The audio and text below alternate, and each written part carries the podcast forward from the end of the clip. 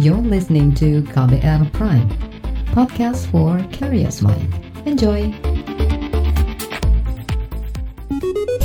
Saatnya Anda dengarkan Ruang Publik KBR yang dipersembahkan oleh Kementerian Komunikasi dan Informatika Republik Indonesia. Selamat pagi saudara, kembali lagi Anda mendengarkan Ruang Publik KBR bersama saya Rizal Wijaya dengan satu tema pagi hari ini 1001 alasan untuk tidak hamil dalam situasi pandemi antisipasi baby boom. Dan ruang publik pagi hari ini dipersembahkan oleh Kementerian Komunikasi dan Informatika Republik Indonesia. Saudara, merebaknya wabah COVID-19 telah menjadi ancaman serius bagi siapa saja tanpa terkecuali. Meskipun data menunjukkan sebagian besar korban meninggal akibat COVID-19 berasal dari kelompok lanjut usia atau orang yang telah mempunyai riwayat medis serius, namun gugus tugas nasional percepatan penanganan COVID-19 telah memasukkan perempuan hamil sebagai orang yang rentan terinfeksi COVID-19.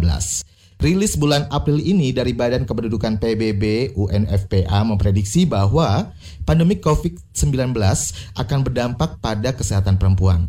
Diperkirakan lebih dari 47 juta wanita kehilangan akses untuk mendapatkan pelayanan kontrasepsi yang dapat berdampak pada peningkatan kehamilan yang tidak diinginkan. Dan yang jelas, pagi hari ini kita akan obrolin soal ini bersama dengan narasumber pagi hari ini saya akan uh, terhubung melalui aplikasi Zoom ya bersama Dr. Hasto Wardoyo, Kepala Badan Kependudukan dan Keluarga Berencana Nasional BKKBN. Saya sapa terlebih dahulu Pak Hasto, selamat pagi. Ya, selamat pagi uh, dengan Mas Rizal. Rizal, iya. ya familiar sekali Rizal. Pa pagi-pagi, Mas Rizal. Pagi-pagi udah sibuk sekali ya Pak ya, undangan sana sini ya Pak ya. ya, ini yang ketiga, undangan yang ketiga. Sepagi ini tapi, untuk undangan yang ketiga pagi hari ini di ruang ya, publik ya. ya. Tapi ini senang, senang sekali karena apa mudah dengan virtual. Betul. Baik, dan ini kita akan obrolin soal uh, seribu satu alasan untuk tidak hamil dalam situasi pandemi, Pak. Nah, uh, sebelumnya ada kekhawatiran apa nih, Pak, terhadap pandemi uh, COVID-19? Sehingga BKKBN perlu melakukan upaya-upaya yang memang penting untuk masyarakat terutama wanita hamil peningkatan uh, kehamilan pada wanita seperti apa ini Pak? Ya, memang Mas Rizal ya, alasannya itu banyak banget ya. Jadi, hmm. tapi ya kita coba diskusi sebagian ya. Kalau saya apa sampaikan misalkan begini ya. Kalau seandainya sekarang ini ada orang merencanakan hamil, kemudian hamil, maka harus dimengerti ya bahwa orang yang hamil muda itu memang termasuk yang rentan atau rawan. Karena orang hamil muda itu daya tahan tubuhnya memang Tuhan ciptakan agak turun. Iya. Kenapa daya tahan tubuhnya itu turun? Karena memang ibu hamil ini harus tidak mudah menolak benda asing, hmm. termasuk tidak menolak uh, bibit yang dari suami, sehingga virus pun juga tidak mudah ditolak oleh orang yang hamil muda itu. Nah, itulah sebabnya daya tahan tubuh yang turun ini membuat virus itu mudah masuk, mudah menyerang, mudah infeksi. Ini baru satu alasan kenapa lebih baik tidak hamil dulu, hmm. ya. Kemudian orang hamil itu sudah menjadi suatu keniscayaan terutama ini saya bicara hamil muda dulu. Karena kalau sekarang istri positif itu artinya hamil muda ya. Betul. nah, kalau orang hamil muda itu memang dia ini juga otomatis ya ada mual ada muntah. Ini sudah suatu keniscayaan. Karena plasenta itu menghasilkan hormon yang berlipat-lipat. Yang kemudian hormon yang berlipat-lipat ini membuat lambungnya bergejolak dan akhirnya muntah. Nah, dalam keadaan seperti ini, kalau mual muntah berlebih, daya tahannya turun, mual muntahnya berlebih, kemudian ada virus lewat. Ini kan sangat mengkhawatirkan sekali. Hmm. Sedangkan, ya jujur ya, sekarang ini kan kalau mau seperti tidak masa pandemi kan tidak bisa. Misalkan mual muntah langsung ke dokter, Betul. ya dokternya belum tentu buka, ya dokter juga sering tanya ini kenapa, oh, mual muntah dokter, uh, mualnya berapa kali, baru tiga kali, ya sudahlah minum yang banyak dulu, istirahat dulu di rumah, dicoba dulu gitu. Beda sekali dengan kalau pas tidak musim uh, apa pandemi. Ini uh, mual muntah tadi. Nah, oleh karena itu juga hal-hal lain yang seperti katakanlah abortus misalnya kita bicara abortus ibu bapak sekalian ya mungkin publik tidak banyak yang tahu tetapi sebetulnya di antara 100 orang hamil itu 5% minimal itu abortus ya minimal 5%, 5% minimal itu hmm. ya ada yang sampai 12 ada yang sampai 15% tergantung kelompok usianya jadi kalau misalkan sekarang ada 100 orang hamil, kan 5% itu akan perdarahan. Itu. Dan akan ribet, berdarah, perutnya sakit, pinggangnya pegel. Kemudian setelah itu dia harus cari dokter, cari bidan, mungkin juga malam-malam dan seterusnya. Ya susah Ini, diakses sekarang ya Pak ya, karena PSBB. Betul. Iya, iya yang tidak semudah mengaksesnya. Nah, ini belum lagi kalau kita cerita tentang apakah kalau seandainya kita itu hamil, kemudian kita ini kebetulan ya tidak minta, kemudian kena infeksi virus uh, corona dalam hal ini. Apakah kita itu sudah tahu kalau misalkan terinfeksi terus kemudian ini dampaknya seperti apa terhadap janin? Perjawabannya belum tahu. Karena ha, sampai hari ini kan penelitian ini kan penyakit baru. Ya, satu dua memang terbukti bahwa virus corona tidak melewati plasenta, tetapi kan kita belum tahu dampak obatnya. Kalau seandainya positif, kemudian harus diobati, macam-macam obat harus masuk, harus dirawat, ada pneumonia, ada macam-macam. Lah, dampak itu terhadap janinnya kita juga belum tahu loh. Okay. Ya. Nah inilah uh, hal-hal yang penting untuk dipertimbangkan betul ini ya. Nah, untuk uh, pesan saya kalau tidak penting-penting amat pokoknya jangan hamil dulu. ya, ditunda dulu. Jadi jangan ada hamil yang tidak terencana dan jangan ada hamil kalau tidak ada perlunya. Itu sudah kalau yang yang yang sekarang-sekarang ini. Besok kalau sudah pandemi lewat kemudian kita merencanakan nah, harus terencana. Baik. Begitu. Nah, iya. Pak, kalau data terbaru tingkat kehamilan selama masa pandemi ini adakah peningkatan, Pak? Seperti apa peningkatannya?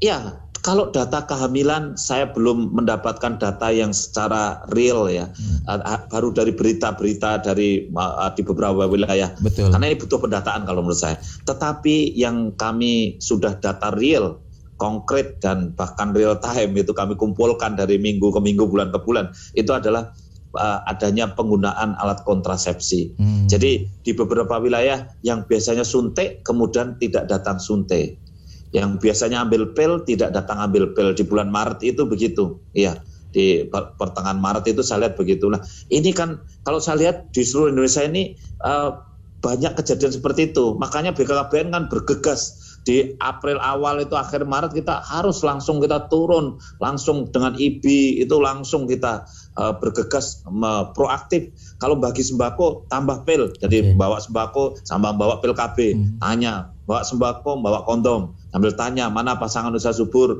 nah, ini mana yang anu, kemarin KB apa dan seterusnya. Okay. Ini yang yang kemudian harus kita lakukan. Karena Mas, hitung-hitungan saya gini Mas Rizal ya. Yeah. Kalau seandainya menurun 10 persen, ini kan kalau sekarang-sekarang ini kan saya hitung menurun 10 persen tuh hampir di mana-mana ada penurunan 10 persen, 20 persen tuh kalau cuma 10 persen ada penurunan di bulan Maret itu. Penurunan ya. penggunaan ya. alat kontrasepsi ya Pak ya? Iya penggunaan kontrasepsi itu. Okay. Kan sekarang ini uh, eh, BKKBN itu mencatat dan rutin tiap bulan kita mengumpulkan dari seluruh Indonesia itu yang ikut kontrasepsi itu 27 juta eh sorry 28 juta sekian ya. 28 juta. Pasangan usia subur yang ikut kontrasepsi. Ya sehingga kalau pasangan usia subur itu suami istri. Sehingga kalau 28 juta berarti dia suami istri itu berarti 56 juta kan begitu ya? Ini 28 juta pasangan ya. Lah mereka ini kalau saya khawatir sekali kalau dia itu 10% saja dia terus tidak menyambung lagi penggunaan kontrasepsi. Berarti 10 persennya 28 juta itu 2,8 juta. Yang misalkan 10 persen itu berarti saya punya 2,8 juta yang biasanya pakai suntik nggak suntik misalnya itu biasanya minum pil tidak minum pil karena uh, pandemi misalnya itu. Nah kalau setiap 100 orang ya Mas ya usia subur, terus dia itu tidak pakai kontrasepsi, terus stay at home ketemunya ya itu itu saja ya suami ya istri ya suami ya istri terus terus hubungan seks dua tiga kali seminggu maka ini sudah menjadi rumus barang siapa pasangan usia subur kumpul suami istri dua tiga kali seminggu maka dalam waktu satu bulan apabila tidak menggunakan alat kontrasepsi yang 15% hamil ya 15% persen itu, itu ya. sudah jaminan jadi, hamil ya Pak ya Iya, jadi 100 itu yang hamil 15 okay. gitu. Ini sudah sudah untung loh, untung nggak 100 semuanya hamil karena kan ini orang subur. ya orang iyalah, kan Tuhan itu sudah luar biasa memberikan yang hamil cuma 15 persen. Nah kalau tadi yang kumpul seperti ini orang 2,8 juta, Mas Rizal ya. Bisa kebayang nah, Pak. 15 persennya 2,8 juta itu adalah sekitar 420 ribu gitu loh. Iya. Sehingga kalau Indonesia ini sudah biasa setahun tuh yang lahir kurang lebih 4,8 juta atau 4 juta 800 kalau ketambahan pasukan bayi atau pasukan orang melahirkan ini 420 ribu lagi kan juga repot.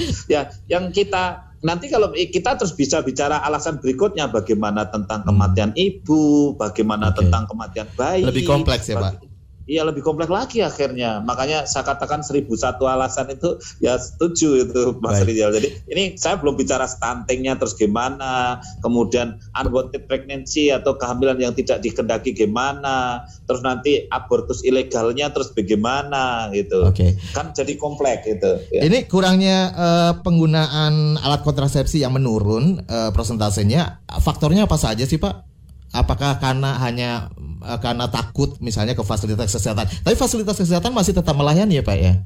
Untuk pemasangan ya, kontrasepsi. Yang saya sampaikan tadi, sekarang ini kan jelas karena mereka ini kan takut ya, hmm. takut datang. Itu sudah jelas karena dia harus stay at home, dia khawatir, dia juga uh, tahu bahwa kalau di rumah sakit atau di tempat-tempat tertentu yang biasanya dia suntik di sana juga melayani pasien COVID-19, dia takut juga Wah, kalau saya mau ke rumah sakit nanti jangan-jangan ketemu orang COVID dan hmm. sebagainya kan ini menjadi takut jika orang itu kan imbuan awal-awal kan jangan ke rumah sakit, jangan ke klinik kalau tidak penting-penting amat kan betul, gitu ya. Betul. Jadi Iya, itu kan imbuan itu kan sangat mujarab Pak ya. Jadi uh, sangat berpengaruh gitu. Kemudian yang kedua Pak, tadi sudah saya sampaikan bahwa kita maklumkan saya kira ketika banyak dokter atau bidan yang mengurangi Pak mengurangi bahkan bidan yang tutup juga banyak Pak hmm. dalam arti karena apa karena memang usia kemudian menjaga diri kemudian mungkin dia belum tentu APD-nya lengkap sehingga dia juga merasa khawatir begitu nah hal-hal seperti ini saya kira dua faktor itu yang sangat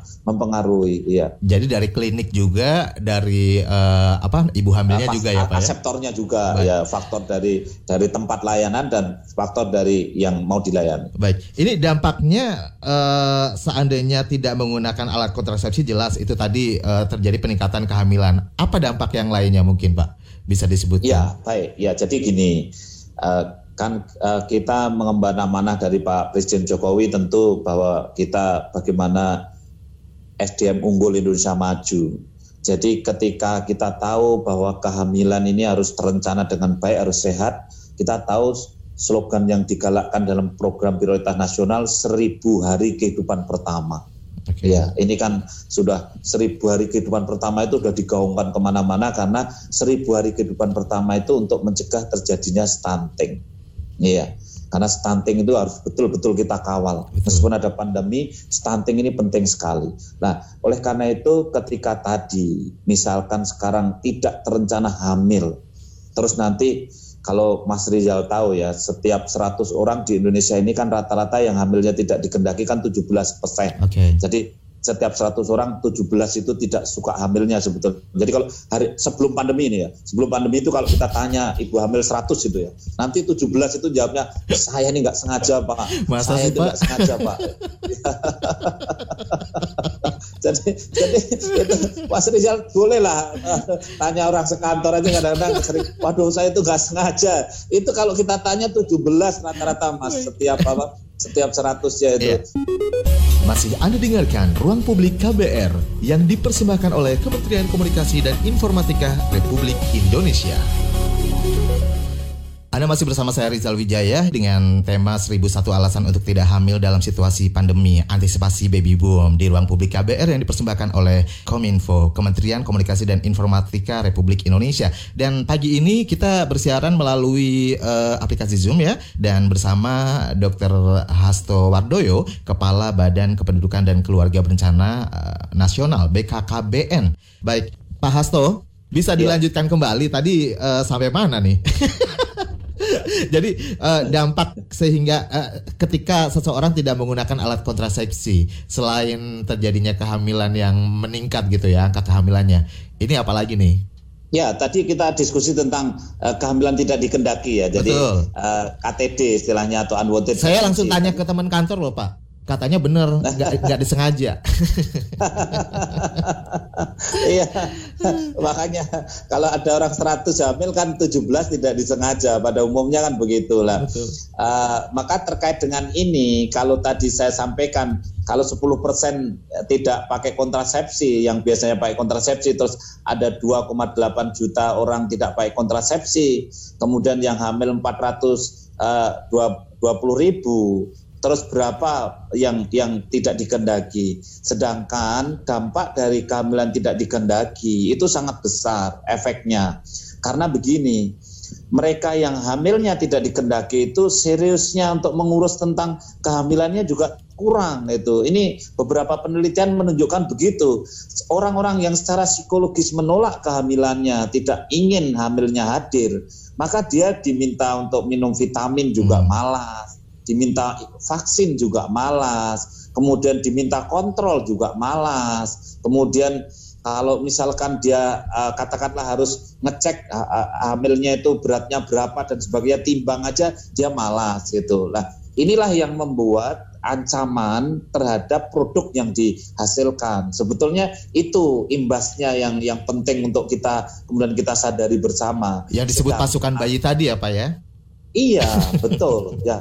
Baik Pak, tahan dulu. Ini ada penelpon. Ternyata kita terhubung dengan salah satu penelpon kami, pendengar kami di uh, eh, NTT, Waingapu. Ada Bapak Helon. Pak Helon, selamat pagi. Selamat pagi, Bang Rizal. Silakan Pak Helon. Boleh tanya langsung ke Pak Hasto nih. Uh, ya, selamat pagi Pak Dr. Hasto. Ya siap Pak, uh, ya Pak Pak siapa tadi? Pak Helon di Pak Helon. Ya, Selamat pagi. Pak Helon uh, dari NTT. Salam ya. Salam sehat. Uh, sehat, ya salam sehat Pak Helon ya. Silakan ya. Pak Helon. Uh, ya saya mau bertanya begini Pak, di masa pandemi ini pasti ada uh, diberlakukan uh, jaga jarak ya Pak? Betul, betul. Uh, uh, betul ya. Uh, apakah dalam masa jaga jarak ini angka kehamilan di Indonesia ini menurun Pak? Udah, I itu saja? Nah, itu saja, pertanyaan, itu saja pertanyaan saya. Baik. Terima kasih Pak Dokter. Terima kasih. Ya. Pak Helon. Iya. Silakan Pak Hasto sebenarnya iya. tadi udah disinggung di awal. Silakan. Tadi yang ditanyakan kehamilan apa menurun itu? Iya, kehamilannya apakah menurun karena jaga jarak ini? Iya, iya. Iya. Sebetulnya malah tidak, Pak. Ya, jadi sebetulnya Pak Helon ini tadi menjadi bahasan kita bersama. Ternyata karena stay at home, kita tinggal di rumah dan orang suami istri ini kan umumnya percaya diri. Karena apa? Sudah lebih dari 14 hari kumpul dengan suami, kumpul dengan istri. Kan ini sudah namanya sudah bebas juga. Hmm. Eh, kumpul suami istri sudah lebih dari 14 hari ya. Ya akhirnya memang ya itu sah-sah saja dan memang betul Pak. Ketika suami istri itu sudah lebih dari 14 hari ternyata dua-duanya sehat-sehat semuanya kan dia tidak ada keraguan untuk kumpul akhirnya. Sehingga Pak Hilo justru yang kita khawatirkan ketika dia ini kumpul stay at home justru hamilnya meningkat. Kemudian yang melahirkan juga meningkat. Ini bahasan kami. Tapi terima kasih Pak Ilham jauh-jauh sudah merespon kami dari KBR juga. Ya terima kasih. Baik.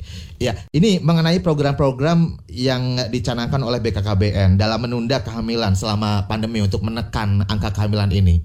Ini apa saja nih Pak bisa dibagikan diinformasikan kepada masyarakat?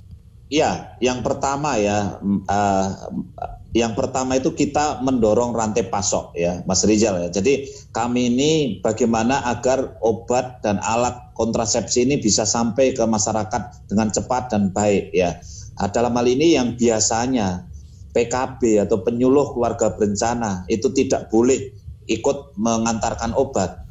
Nah, ini kami bolehkan ya. Memang karena kondisi betul-betul darurat. Sehingga kami minta dari gudang, farmasi dan seterusnya. Kemudian PKB ini bisa bantu membawa obat, membawa pil dan PKB bisa membagikan pil itu asalkan kepada pasangan usia subur hmm. yang memang ini adalah sudah tercatat sebagai peserta KB ya. Jadi biasanya ambil pil ini nggak datang, lah diantarlah sama PKB-nya tetapi tentu seizin bidan yang ada di dekatnya. Nah inilah cara kami untuk bagaimana mendeliver uh, program pemerintah dan juga dalam hal ini alat kontrasepsi sampai ke sana.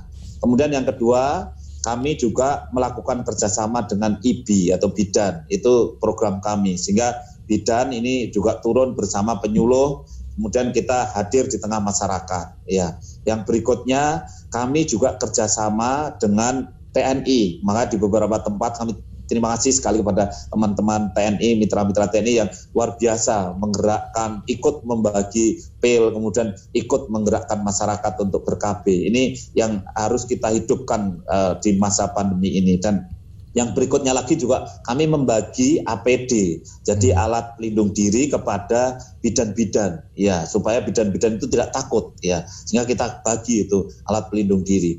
Dan yang berikutnya juga saya kemarin dibantu sama teman-teman artis ini ya. Karena saya bilang sama teman-teman public figure itu kalau di masa pandemi ini kan kalau dokter perawat jadi relawan. Caranya ke rumah sakit ikut ngobati. Bagaimana kalau teman-teman public figure ini relawannya membuat vlog tapi gratis gitu ya. Okay. Bersama BKKBN itu. Jadi maka banyak sekali er, apa eh, teman-teman public figure yang sudah bikin vlog bersama BKKBN kemudian kita share untuk memberikan himbauan uh, kepada masyarakat supaya menjaga kemudian juga supaya tidak hamil dulu dan supaya juga bisa mempersiapkan atau berencana lah kalau seandainya mau hamil. Uh, kami juga akhirnya meluncing web namanya Siap Nikah ya. Siap Nikah. Ya siap nikah. Artinya web ini sekaligus nanti setelah masa pasca pandemi juga tetap kita gunakan, tetapi di siap nikah inilah kemudian kami mengure tentang kenapa harus ditunda dulu hamilnya kalau pandemi ini dan kalau seandainya mau hamil itu apa saja yang harus direncanakan. Itu kami launching web siap nikah bersama rumah perubahan kami dari BKKBN dan Pak Renal Kasali dari rumah perubahan ini uh, baru seminggu yang lalu kita launching Alhamdulillah setiap hari uh, pengunjungnya sudah puluhan ribu ya dalam antusiasme masyarakatnya luar biasa ya. Iya, untuk mengetahui itu. Baik. Begitu Pak, Mas Ria. uh, berikut ada WhatsApp juga yang sudah masuk nih Pak dari Anya di Jakarta. Bagaimana kalau kehamilan terjadi sebelum pandemi seperti saya nih? Saya hamil tepat sebelum PSBB, bahkan sebelum corona masuk ke Indonesia. Adakah tips untuk orang-orang seperti saya ini Pak, terutama jika harus melakukan pemeriksaan? Mungkin ya. karena takut juga untuk memeriksakan langsung ke rumah sakit Betul. atau ke klinik. Ya, ya Mbak Anya ya, terima kasih atas pertanyaannya ya. Jadi Mbak Anya, eh, saya harap ini bisa mewakili kepada ibu-ibu hamil yang lainnya ya. Ini uh, kalau ada hamil muda, tentu jangan cemas ya. Di masa pandemi COVID ini tetap yang hamil muda ini bisa dirawat meskipun dengan harapan saya dengan ekstra. Kenapa saya katakan ekstra?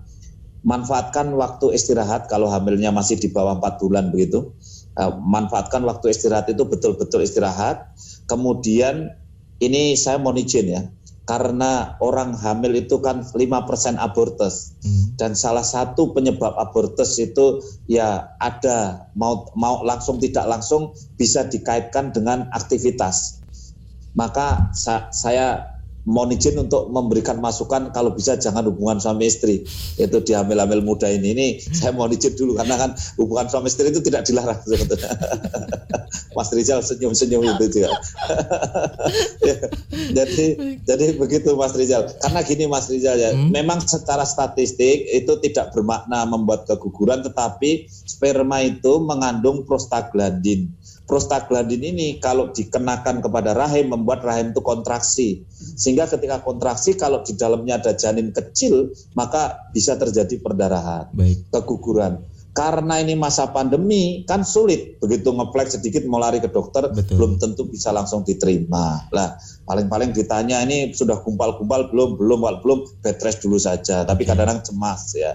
Nah inilah Artinya uh, cukup saya. artinya cukup hanya dengan beristirahat saja apakah harus ada perawatan mungkin dari uh, keluarga di rumah yang harus sel selalu siaga terutama suami? Ya, memang suami siaga ini penting ya. Konsep suami siaga itu bagus. Artinya hamil muda ini uh, betul-betul diisolasi dari kemungkinan kontak dengan uh, corona. Hmm. Jadi artinya kalau ini di rumah ada yang hamil muda, tolonglah ya suami juga tidak keluar-keluar terus balik pulang lagi, keluar-keluar balik pulang lagi. Ini kan namanya memberikan paparan pada istri yang nggak baik. Oke. Suami juga tidak ngerokok di kamar ya karena apa polutan, salpe itu ini polutan itu kan sangat berpengaruh kepada janin yang masih kecil dan kepada Mbak Anya dan juga ibu-ibu hamil yang lainnya saya beritahu bahwa sebetulnya cacat tidaknya bayi itu diciptakannya di 8 minggu pertama kehidupan. Dari bulan pertama, bulan kedua. Sehingga bulan pertama, bulan kedua ini namanya organogenesis, pembentukan organ-organ. Nah, oleh karena itu, marilah kita lindungi sekuat tenaga. Jangan sampai ada gangguan-gangguan di minggu-minggu pertama sampai ke delapan. Ini karena pembentukan organ-organ. Nah, Baik. inilah uh, triknya untuk hamil muda. Sedangkan kalau hamil pertengahan di atas empat bulan, memang mohon hubungan suami istri itu sudah lebih aman, tidak mudah membuat keguguran. Mual muntahnya sudah hilang. Kalau tadi ada mual muntah, saran saya kalau sulit mengakses tempat-tempat pelayanan, minum wedang jahe Hmm. dan jahenya jahe yang asli. Ya dalam arti lebih baik beli jahe di pasar atau di mana lah itu Dibuat sendiri. jahe terus dibuat sendiri. Itu Oke. memang direkomendasikan untuk mencegah mual. Baik. Kalau muntah-muntahnya berlebih, makan keluar makan keluar bisa makan es krim karena halus langsung diserap itu. Saya kira masih banyak Baik. ya cara untuk menjaga. Hal-hal sederhana ya Pak ya. Baik, Ya, Pak Hasto kita sederhana. tahan dulu. Tapi yang jelas tadi eh, apa namanya Pak Hasto bukan melarang ya, tapi menyarankan ya untuk eh, menahan untuk tidak berhubungan badan terlebih dahulu ya, apalagi 2 sampai 3 kali seminggu ya Pak ya. Ya ka- karena ini yang hamil loh Mas. Betul. yang hamil tadi saya larang hubungan saya kan karena itu ya. Tapi Oke. kalau yang belum hamil kan mestinya yang penting pakai kontrasepsi. Oke, baik kita tahan dulu dan kita akan jeda. Eh, kita akan kembali setelah jeda berikut ini tetap di ruang publik KBR. Masih Anda dengarkan Ruang Publik KBR yang dipersembahkan oleh Kementerian Komunikasi dan Informatika Republik Indonesia. Hingga saat ini Anda masih bersama saya Rizal Wijaya di Ruang Publik KBR yang dipersembahkan oleh Kementerian Komunikasi dan Informatika Republik Indonesia dengan tema 1001 alasan untuk tidak hamil dalam situasi pandemi untuk antisipasi baby boom ya. Baik, dan kita juga masih bersama dengan Dr. Hasto Wardoyo, Kepala Badan Kependudukan dan Keluarga Berencana Nasional BKKBN melalui aplikasi Zoom pasti. Pak Hasto, Ya, Iya. ya, ya, Mas Rizal. ini Ya. ada sudah beberapa juga yang sudah ikut eh, komen di YouTube kita, Pak. Mhm, Langsung ya. saja saya bacakan satu persatu ya Pak ya. Baik, Ya, ini yang ya. pertama dari Bapak Susanto AG, Bapak Susanto AG. Izin pertama bertanya Dokter Hasto, mohon saran bagaimana meng- mengkomunikasikan kepada mertua yang ngebet ingin cucu namun di tengah pandemi ini. Terima kasih, saya bingung. Takut dipecat jadi eh, ini ya menantu ya. Silakan, Dokter. Iya, iya Pak Pak Susanto ya tadi ya. Eh, sebetulnya eh, kalau diberi pemahaman, insya Allah mindsetnya berubah, kemudian pendapatnya berubah dan perilakunya berubah. Kira-kira begitu ya. Jadi pemahamannya begini, yang paling ditekankan kepada mertua bahwa eh, pembentukan bayi itu di awal-awal bulan pertama, bulan kedua itu baru penting-pentingnya membentuk organ-organ. Nah, karena sekarang ini masa pandemi, kita menghindari dulu adanya proses yang terganggu. Sehingga lebih baik prosesnya membentuk organ nanti setelah pandemi lewat. Yang kedua, sampaikan kepada mertua tadi bahwa orang hamil itu ya kita semua berusaha tapi semuanya terserah kepada Tuhan. Dalam arti begini 5% yang keguguran itu sudah menjadi ketentuan Tuhan memang ya. Karena dokter mana saja ya tidak bisa mencegah bahwa 5 dari 100 itu keguguran. Daripada saya itu juga punya risiko itu lebih baik kalau nanti ada keguguran sulit mengakses pelayanan lebih baik kami lebih tenang kalau hamilnya nanti saja Pak Insya Allah mudah-mudahan nanti hamilnya lebih sehat lebih tenang tentram tidak khawatir lah kira-kira begitulah Mas ya jadi kunci-kuncinya mungkin tentang yang logis-logis saja Ya, karena biar tidak salah menyampaikannya kepada mertua mungkin ya. ya jadi Baik. nanti Jadi nanti ada alasan kata Pak Dokter Hasto nih kayak gitu kepala Ya, B- iya. BKKBN. Baik, Dokter Hasto nih mertuanya mertuanya suruh tanya ke KBR saya jawab juga berikutnya Berikutnya dari uh, Mas Bimo masih live chat di YouTube channel kita juga. Menurut Dokter Hasto, ibu hamil muda itu rentan kesehatannya. Bagaimana dengan yang hamil tua? Apakah lebih ekstra hmm, yang harus dipersiapkan agar iya. persalinan yeah. bisa tetap sehat di tengah pandemi ini? Iya, memang begini uh, Mas Rizal ya tadi pertanyaan dari Mas Bimo. Ketika hamilnya itu sudah empat bulan ke atas, itu lebih kuat. Plasentanya sudah kuat, ibarat akar itu sudah kuat itu. Hmm. Uh, kalau nanti mendekati 9 bulan, hamil-hamil 8 bulan, 7 bulan ke 9 bulan, ini saya katakan agak rentan juga. Kenapa saya katakan agak rentan? Bukan karena daya tahan tubuhnya turun, sebetulnya tidak. Tetapi di situ itu uh, orang hamil kadang-kadang tensinya naik. Kalau kakinya bengkak, kemudian tensi naik juga ini namanya penyakit, ini namanya preeklamsi. Hmm. Kemudian orang hamil di usia-usia hamil terakhir itu bayi itu penting sekali mendapatkan nutrisi yang cukup ya sehingga kadang-kadang bayi itu bisa tidak bisa ada masalah itu di hamil-hamil akhir. Sehingga hamil-hamil akhir ini rawan untuk bayi. Makanya kalau kontrol hamil-hamil terakhir itu seminggu sekali seminggu sekali seminggu sekali. Sehingga di masa pandemi ini saya sarankan kepada ibu-ibu hamil kalau hamilnya 8 bulan kira-kira tinggal sebulan lagi melahirkan kalau anda belum kontrol kontrol lah itu ya sedikit paksa sedikit lah uh, kepada bidannya kepada dokternya bahwa saya ini penting ini saya hmm. karena sudah mau melahirkan di, biar dikontrol itu karena apakah ari-arinya uh, sudah ada perkapuran apakah ketubannya berkurang ini terjadi di hamil-hamil terakhir saran saya kalau hamil tua yang diamati itu gerakan gerakan bayinya hmm. bukan gerakan yang lain-lainnya ya jadi gerakan bayinya jadi kalau belum sempat kontrol ke dokter, tolonglah amati gerakan bayinya itu aktif tidak. Bayi yang sehat kalau dirasakan dari jam 7 pagi sampai jam 7 malam minimal 10 kali bergeraknya. Kalau kurang dari itu, Anda tidak boleh tenang, harus segera bertanya dan memeriksakan. Nah ini lagi-lagi, mohon maaf, mohon izin, kalau 9 bulan juga saya merekomendasikan untuk usul saya lebih baik tidak hubungan suami istri dulu ya ini mohon maaf betul juga. Karena apa? Karena kalau kontraksi ya ada orgasme ada ejakulasi misalkan ada orgasme. Ini menjadi mudah pecah ketuban.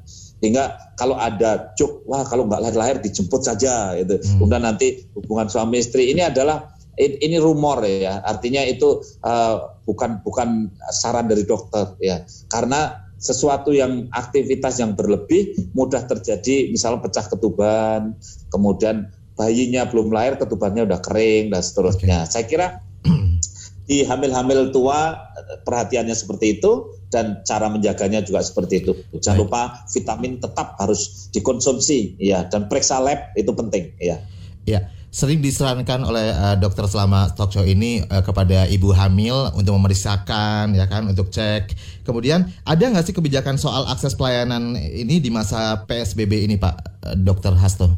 Ya sebetulnya kalau uh, dari kacamata kita kan orang hamil itu sudah sejak sebelum adanya PSBB, sejak sebelumnya ada COVID-19 sudah disepakati bahwa ibu hamil itu dianggap suatu kondisi yang rawan. Hmm. Kondisi yang kalau ada ibu hamil katakanlah uh, datang ke IGD karena kenceng-kenceng, karena nyeri-nyeri itu semua dianggap emergensi. Ya, ini sudah kesepakatan sejak sebelum ada pandemi. Sehingga saya juga mohon kepada teman-teman yang ada di jajaran pelayanan di fasilitas-fasilitas kesehatan tolonglah kalau ibu hamil datang ke IGD jangan ditolak itu jangan ditolak. Tetap harus diperiksa karena ibu hamil selalu kita sikapi sebagai satu hal yang emergensi. Kemudian kalau rumah sakitnya penuh maka kemudian ibu hamil itu tetap diperiksa di UGD kemudian diteleponkan rumah sakit lain. Hmm. kemudian setelah itu diantar pakai ambulan rumah sakit itu ke rumah sakit lain tapi sudah diklarifikasikan terlebih dahulu. Tidak nanti ke sana dipindah lagi karena karena penuh dan seterusnya. Ini sepakatan ini Mas Rizal ya sudah sejak sebelum sebelum ada apa COVID-19. Nah, oleh karena itu marilah ini kita teruskan di masa pandemi ini agar tidak menaikkan tadi kematian ibu, kematian bayi dan seterusnya hmm. karena hamil adalah sesuatu yang penting sekali ya. Baik, berikut ada pertanyaan dari Mas Anton di Yogyakarta. Selain untuk antisipasi baby boom, sebenarnya aman gak sih hamil di masa pandemi ini? Sebenarnya tadi sudah dijawab ya, sudah disinggung. Mungkin baru mendengarkan nih Pak Anton baru bergabung. Mm-hmm. Kemudian Ibu Diah di Depok, saya pengguna kontrasepsi yang suntik, tapi selama pandemi ini saya berganti ke pil KB. Tapi saya jadi pendarahan. Apakah ini berbahaya untuk imun saya? Terutama di masa pandemi ini, saya mau ke dokter tapi takut. Tapi jangan dijawab dulu, uh, Dokter Hasto. Kita akan kembali setelah jeda. Jangan ke mana-mana. Masih Anda dengarkan Ruang Publik KBR yang dipersembahkan oleh Kementerian Komunikasi dan Informatika Republik Indonesia. Kita memasuki bagian akhir ruang publik KBR pagi hari ini dengan tema 1001 alasan untuk tidak hamil dalam situasi pandemi antisipasi baby boom di ruang publik KBR yang dipersembahkan oleh Kementerian Komunikasi dan Informatika Republik Indonesia bersama Dr. Hasto Wardoyo, Kepala Badan Kependudukan dan Keluarga Berencana Nasional BKKBN. Banyak yang sudah mengirimkan SMS dan juga WhatsApp dan uh, tadi sebelum kita jeda sudah ada beberapa pertanyaan yang saya uh, ajukan kepada hmm. Pak Dokter ya dari iya. Pak Anton selain untuk antisipasi baby boom sebenarnya aman gak sih hamil di masa pandemi ini kemudian dia di Depok saya pengguna kontrasepsi uh, ya suntik tapi selama pandemi ini yang berganti saya berganti ke pil KB tapi saya jadi pendarahan apakah ini berbahaya untuk imun saya silakan dokter Ya, ya, baik, Mas Anton ya. Tadi memang sudah kita jelaskan apakah aman untuk orang hamil di masa pandemi. Saya katakan tadi di depan Pak Anton ya, bahwa hamil muda itu daya tahan tubuh turun sehingga mudah kena virus. Sehingga ketika hamil maka jadi rentan. Ya makanya sebetulnya aman itu relatif. Ya karena rentan. Ya kemudian kalau sudah terlanjur hamil marilah kita amankan kondisi yang rentan itu dengan agak proteksi yang agak berlebih. Ya tadi makanya uh, pesan saya Mas Anton kalau seandainya belum hamil tolonglah uh, ditunda dulu. Nanti setelah uh, apa COVID berlalu baru kita rencanakan hamil. Itu untuk Mas Anton. Sabar ya Mas Anton. Iya, Mas Anton. Kemudian yang kedua, Mbak Dia. Bu Dia. Bu Dia begini ya Bu Dia. Bu Dia ini suntiknya uh, sebetulnya suntik itu ada dua macam ya. Ada suntik yang pakai menstruasi, ada suntik yang tidak menstruasi ya. Kalau suntiknya itu tiga bulan sekali biasanya tidak menstruasi. Kalau suntiknya satu bulan sekali biasanya menstruasi, gitu ya. Dugaan saya, meskipun saya tidak bisa dialog dengan Mbak Dia ini ya, dugaan saya Mbak Dia ini suntiknya mungkin suntik yang tidak menstruasi, gitu ya. Hmm. Sehingga ketika Mbak Dia ini ganti ke pil, maka kemudian akhirnya menstruasi. Ini hal yang normal, wajar. Aman berarti karena, ya Pak ya? Ya wajar, karena hmm. umumnya kalau pil ini siklik dan ini menstruasi minum pil satu keping nanti menstruasi, menstruasi gitu. Sehingga kalau uh, dulu pakai suntik terus pindah pil itu menstruasi itu wajar. Kalau tidak men malah tidak wajar gitu ya. Baik. Jadi ini artinya normal lah, normal itu. Tidak usah khawatir. Nah, ya. kalau tadi pertanyaan Bu uh, dia ya. itu ini menurunkan daya tahan saya tidak, jawaban saya tidak Ya, jawaban saya tidak. Jadi ya Budiah tetap kalau sekarang mau nyambung dengan pil monggo silahkan dan itu tidak menurunkan daya tahan. Jadi lebih baik ibu minum pil daripada ibu hamil lah gitu. Jadi, ya. Sekarang ada penelpon kembali ada Mas Dito dari Tangerang. Selamat pagi Mas Dito. Pagi Mas. Silakan Mas Dito. Iya, uh, sebelumnya saya ingin uh, menyampaikan pendapat saya dulu. Ya. Pertama saya sangat setuju dengan apa namanya uh, pembatasan untuk mencegah kehamilan selama pandemi ini ya Pak ya. Karena kan iya. satu ya. secara ekonomi kan banyak sekali masyarakat yang terkena PHK. Impactnya banyak ya? Impactnya sangat besar sekali ditambah ekonomi kita yang saat ini sedang menurun ya. ya nah, yang satu lagi, ya, uh, saya ingin ya. menanya, bertanya satu hal Pak. Iya, kan, baik Pak Tito. Kan pil KB seperti itu kan dianjurkan itu untuk pasangan suami istri. Nah, saya ingin bertanya, kan selama masa PSBB ini kan untuk di beberapa daerah bisa dikatakan bahwa PSBB itu tidak berjalan sesuai dengan arahannya. Hmm. Nah, apa yang terjadi jika adanya uh, hasil pembuahan dari hubungan orang yang non suami istri atau pasangan muda? Okay. Itu bagaimana cara pencegahannya? Baik, terima kasih Mas Dito di Tangerang. Singkat saja Pak. Hmm, iya iya, iya terima kasih Mas Dito. Yang pertama setuju dengan usulan Mas Dito bahwa uh, sekarang ini hamil ditunda dulu karena memang juga banyak PHK ekonomi juga baru turun sehingga kita pendapatan per kapita keluarga juga menurun, hmm. keluarga juga kemampuan ekonominya menurun. Oleh karena itu lebih baik kita berpikir dan berencana sajalah uh, direncanakan kapan hamilnya setelah lewat pandemi. Terima kasih. Hmm. Uh, yang kedua uh, pil KB itu memang untuk tentu tidak hanya pil KB ya, Pak. Semua alat kontrasepsi ini ditujukan untuk pasangan usia subur, tentu begitu. Makanya teman-teman di lapangan saya minta proaktif jemput bola tetapi kepada pasangan usia subur. Lah kalau yang belum pasangan mohon maaf ya Mas Dito ya. Jadi kalau yang memang belum suami istri kan memang kita tidak merekomendasikan ya karena mereka tentu unwanted pregnancy ya, atau kehamilan yang tidak dikendaki ini harus kita cegah. Uh, tapi mencegahnya tidak dengan membagikan alat kontrasepsi tentunya, mencegahnya dengan ini dengan berbagai macam cara supaya tidak hamil di luar nikah, tidak hamil belum dikendaki dan seterusnya. Jadi uh, saya kira itu Mas Rizal kalau Baik. ini masalah pergaulan bebas, saya kira ini masalah umum yang ya. marilah kita bersama-sama mencegah. Jangan harusnya loh kalau menurut saya hamil di luar nikah itu kalau stay at home itu berkurang karena kan mereka kan umumnya tidak pacaran, Betul. tidak ke mana-mana kan. Ya. Berkurang ya. berkerumunnya ya. Baik, ya, dokter, ini uh, apa namanya salah satu fungsi keluarga itu kan ada delapan, ada fungsi reproduksi dan ada fungsi uh, perlindungan keamanan. Kalau ada ada anggota keluarga yang hamil dan positif COVID, ini bagaimana melindungi janin yang ada di kandungan, Pak? Apakah janin bisa tertular COVID-19? Seperti apa ya. penjelasannya?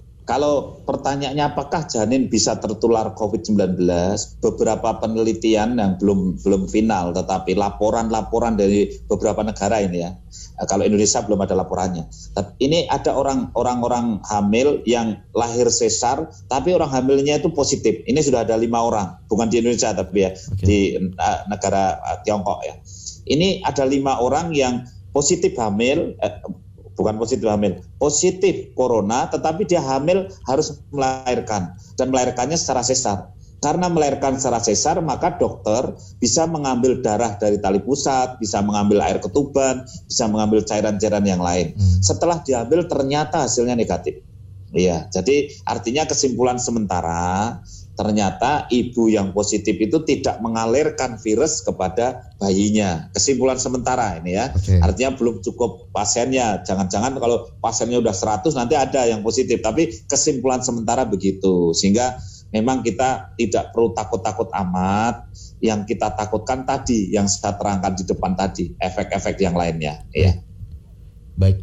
Dokter, ini target ke depannya seperti apa sih dengan eh, kebijakan-kebijakan dari PKKBN, kemudian uh, upaya-upaya yang sudah dilakukan? Ya, kalau target saya begini ya Mas, kita kan sudah punya target ya namanya target kita. Misalkan sekarang ini peserta KB itu sekarang ini kan 57 persen dari pasangan usaha subur.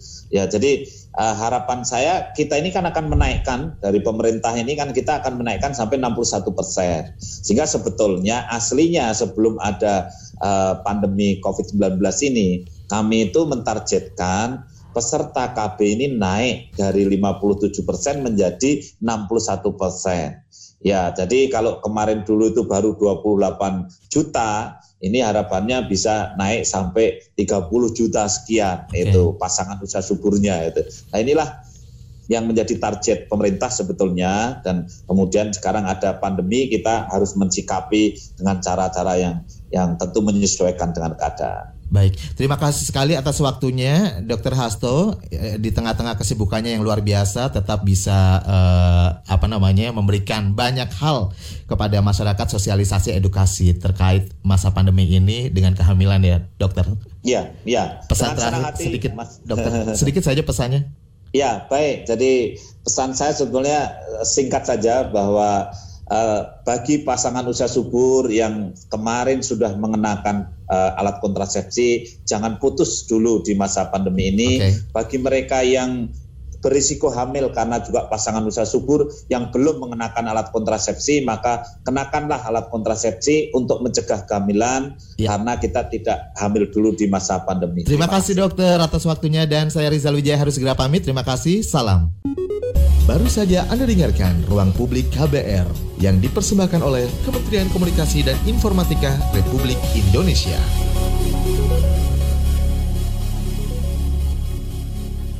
KBR Prime, cara asik mendengar berita.